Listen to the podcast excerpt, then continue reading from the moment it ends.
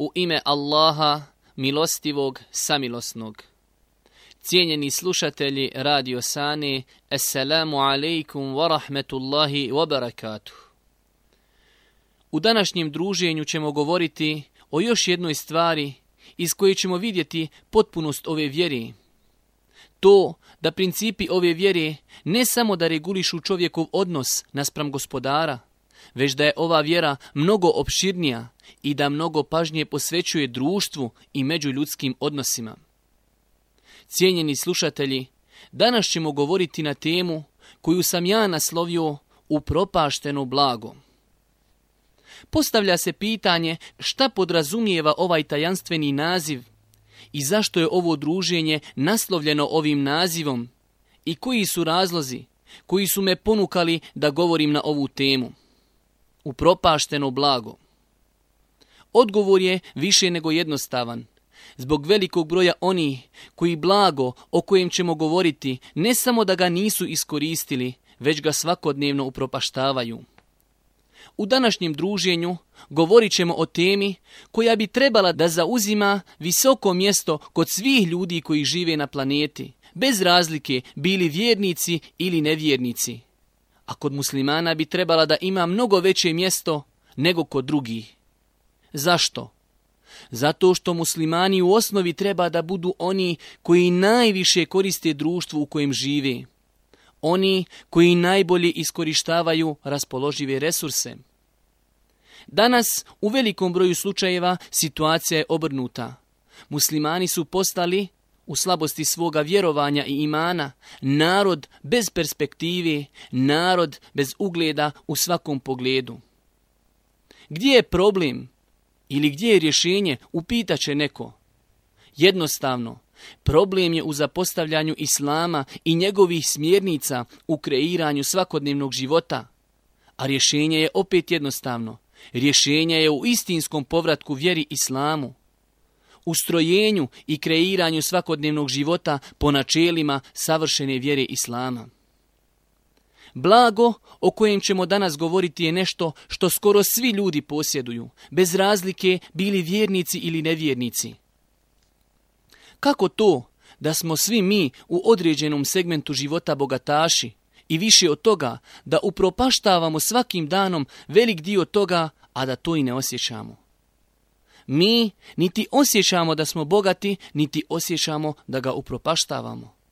Je li to moguće? Da, moguće. Najbolji pokazatelj da nismo svjesni da smo bogati je to što to bogatstvo ne koristimo i što ga svakim danom upropaštavamo. Cijenjeni slušatelji, u današnjem druženju govorit ćemo o slobodnom vremenu govorit ćemo o vrijednosti vremena i koliko mjesto vrijeme zauzima u ovoj savršenoj vjeri. Pogledajte samo koliko je samo načina da čovjek iskoristi svoje vrijeme na pozitivan i koristan način. Bez razlike da li se radilo o ahiretskoj koristi ili ovozemaljskoj.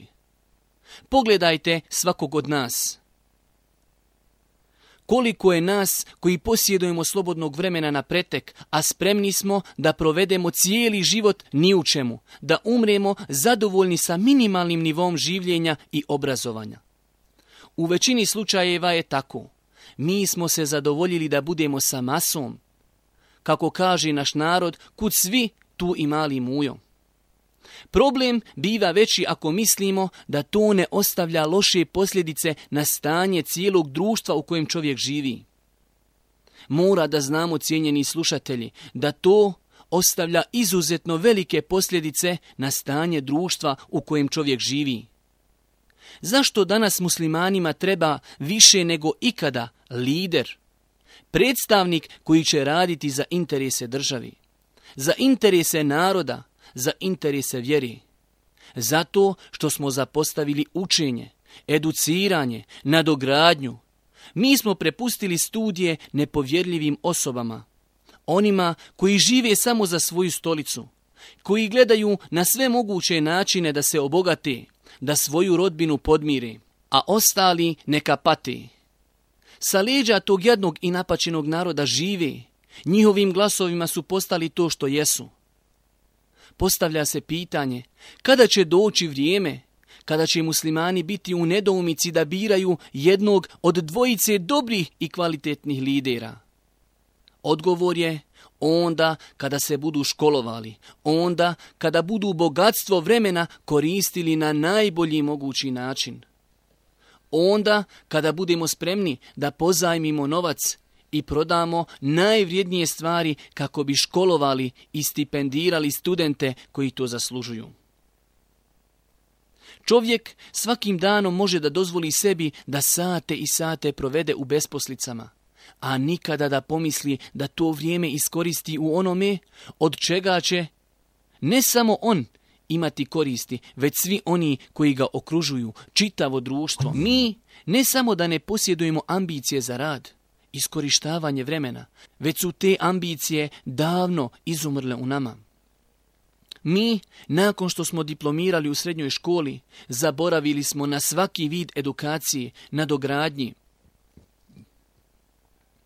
Žalosno je da su muslimani nasjeli na ono što im drugi serviraju, da su dozvolili da ih gledanje utakmica, boksa, Formule 1, zapadnjačkih serija zavede i da nemaju vremena sami za sebe. Niti imaju vremena da se bori za svoja prava. Njih ne interesuje ko će im vladati, kakav je, bitno je da je neko tu.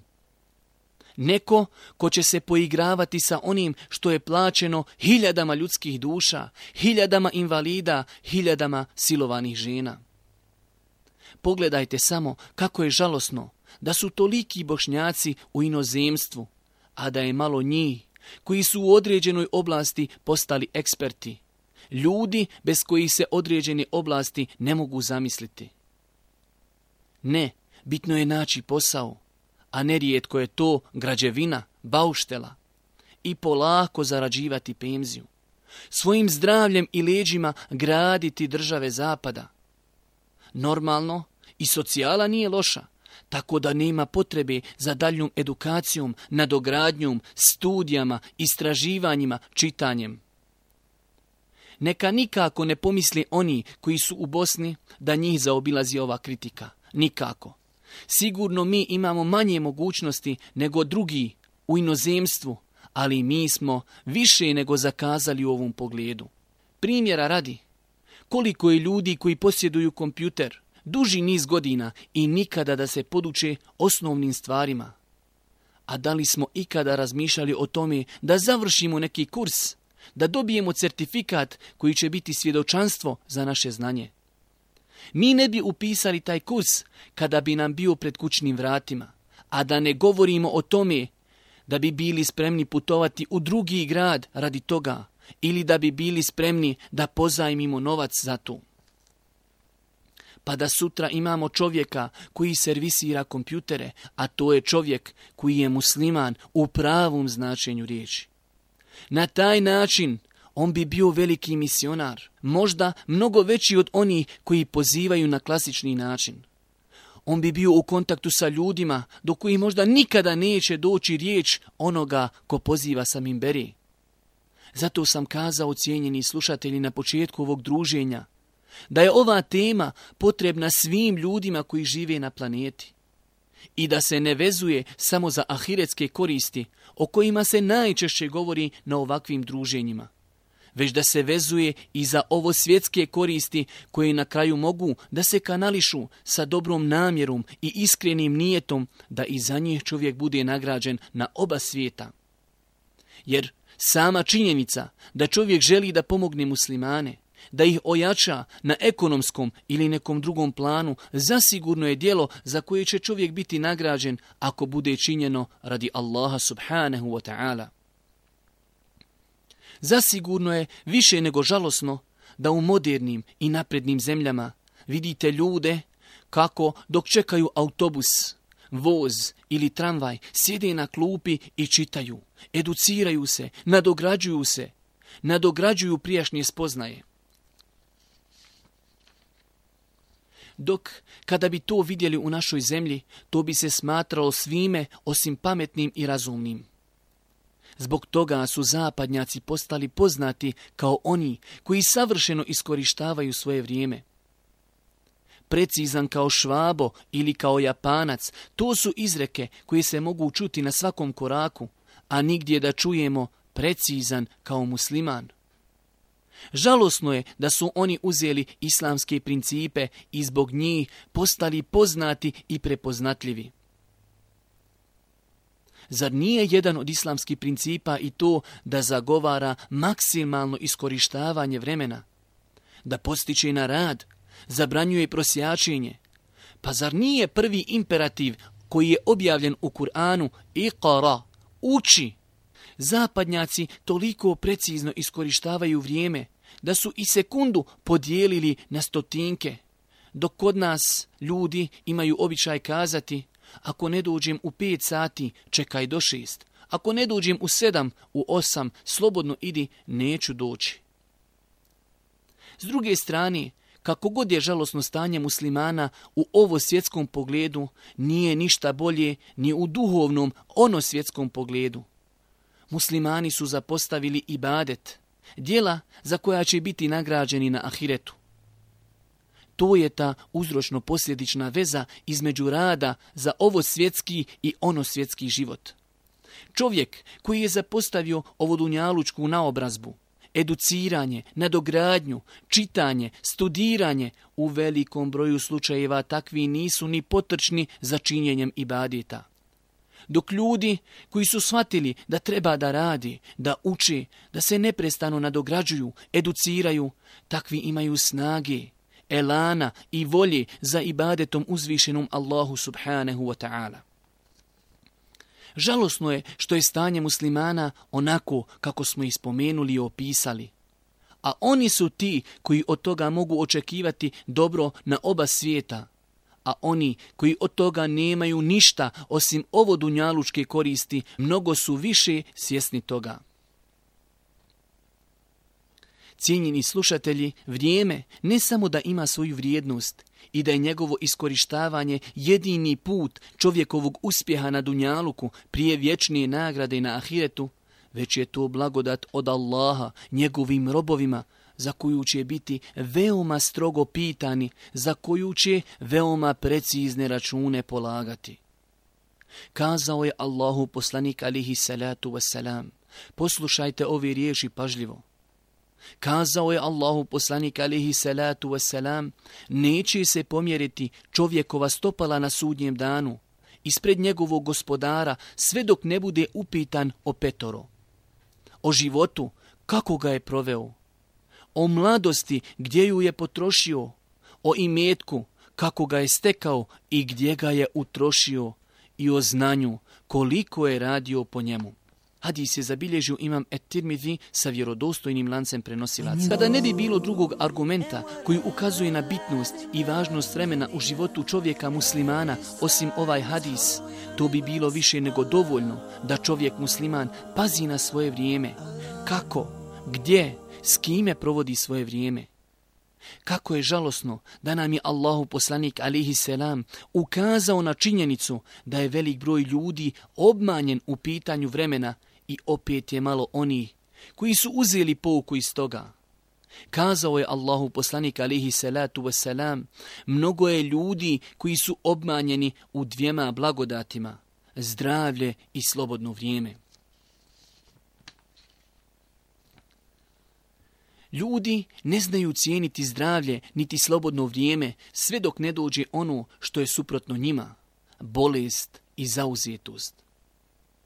Ni tu stvar nije ostavila ova vjera, a da nije upozorila na nju.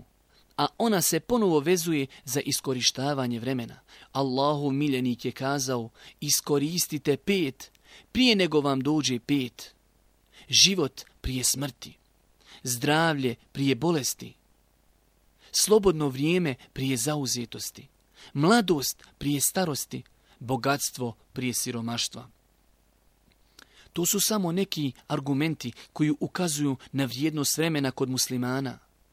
To je blagodat za koju ćemo biti pitani na sudnjem danu.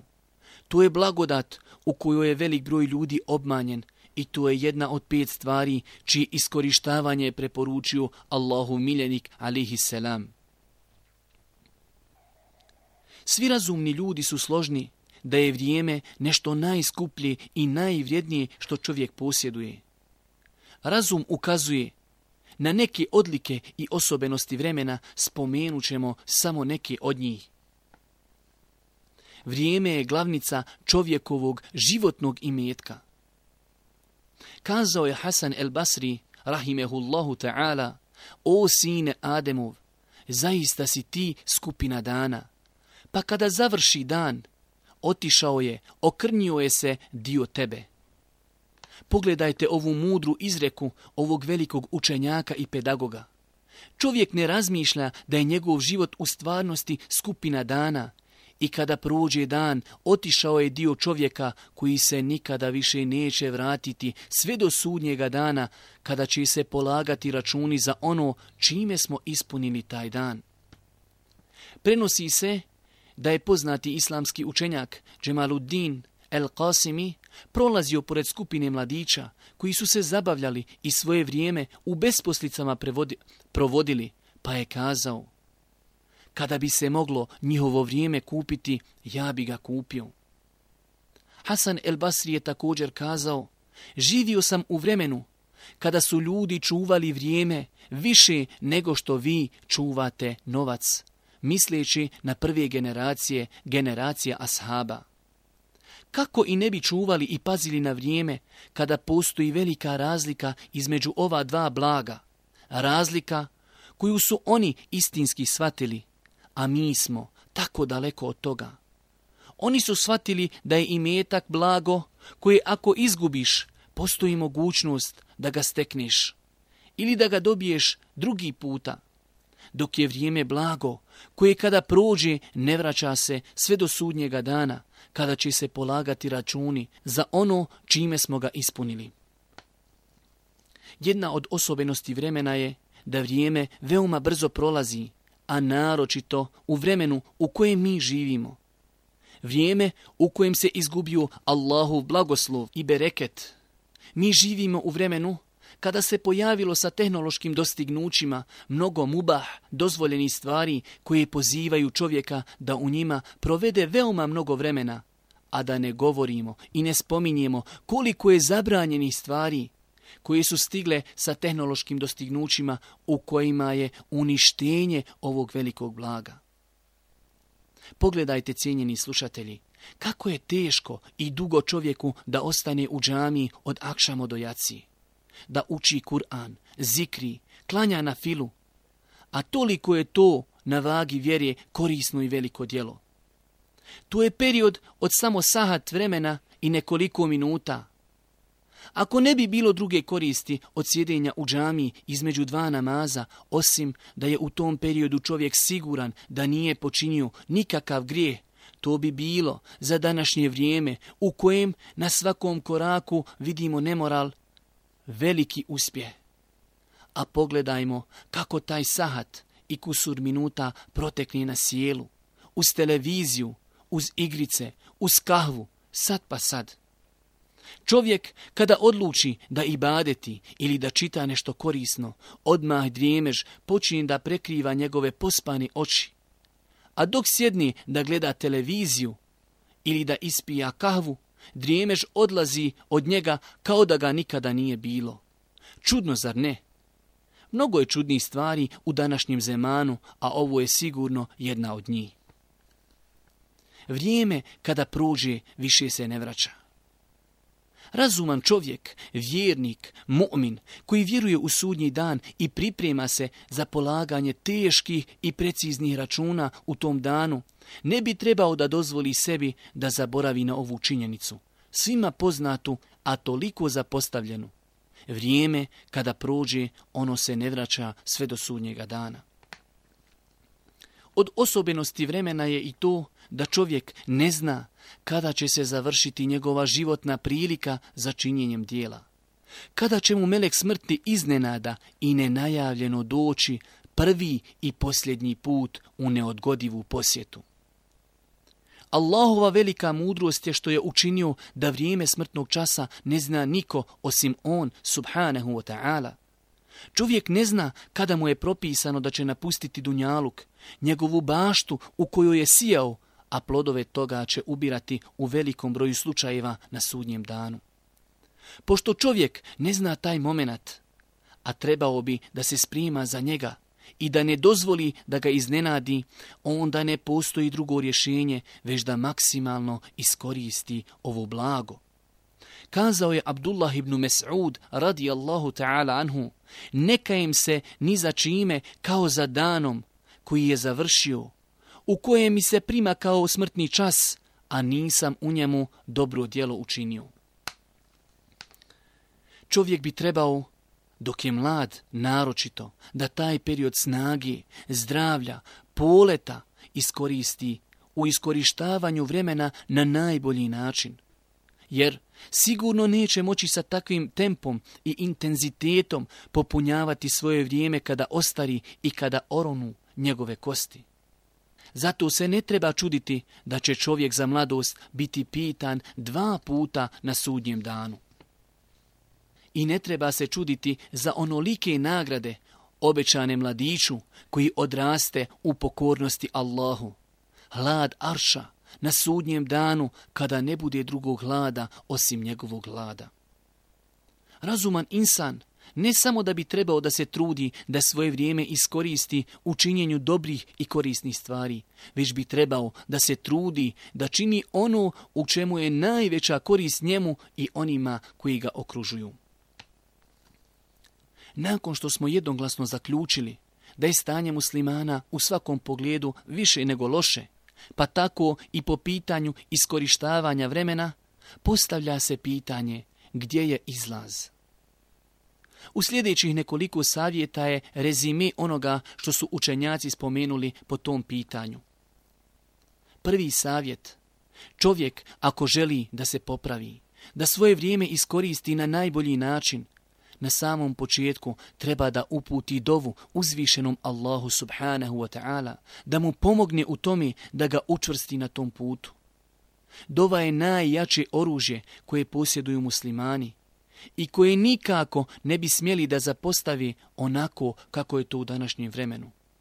Allahu poslanik, Allahu poslanik je bio potpomognut od strane uzvišenog Allaha, a opet je u večernjem i jutarnjem zikru svakoga dana učio dovu u kojoj se utjecao Allahu od nemoći i od ljenosti. Drugi savjet, onima kojima nedostaje elana i motivacije, neka postavi sebi pitanje Šta sam učinio kako bi popravio stanje ovog napačenog naroda?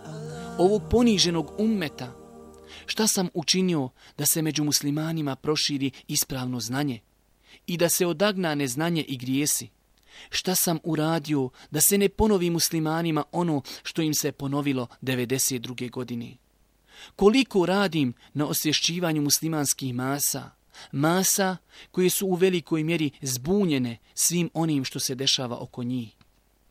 Zamislite, cijenjeni slušatelji, da se čovjeku zapali kuća i on obavijesti vatrogasce o tomi, a oni mu kažu kako će doći kada završi utakmica. Tako je sa nama. Naše društvo gori u nemoralu i razratu, koji skoro da nije zapamćen u historiji čovječanstva, a muslimani bezbrižno sjede i gledaju utakmice, ispijaju kahve, igraju igrica, prate zapadnjačke serije. A kuća našeg društva neka gori u plamenu nemorala i razvrata neka alkohola u našim kućama i na našim ulicama, neka droge među našim srednjoškolcima, neka prostitucije u našim gradovima, neka razgoličenih žena na ulicama našeg grada. Treći savjet, prisjećanje na smrt i gubljenja nade u dug život. Čovjek koji se često prisjeća smrti i ne očekuje da će dugo živjeti, on će pokušati na sve moguće dozvoljene načine da što bolje iskoristi svaku sekundu svoga vremena, jer je svjestan činjenici da je baš on možda sljedeća osoba koja će napustiti ovo donjalučki život. Svjestan je činjenici da mu niko, ama baš niko, ne može garantovati da će doživjeti sutrašnji dan.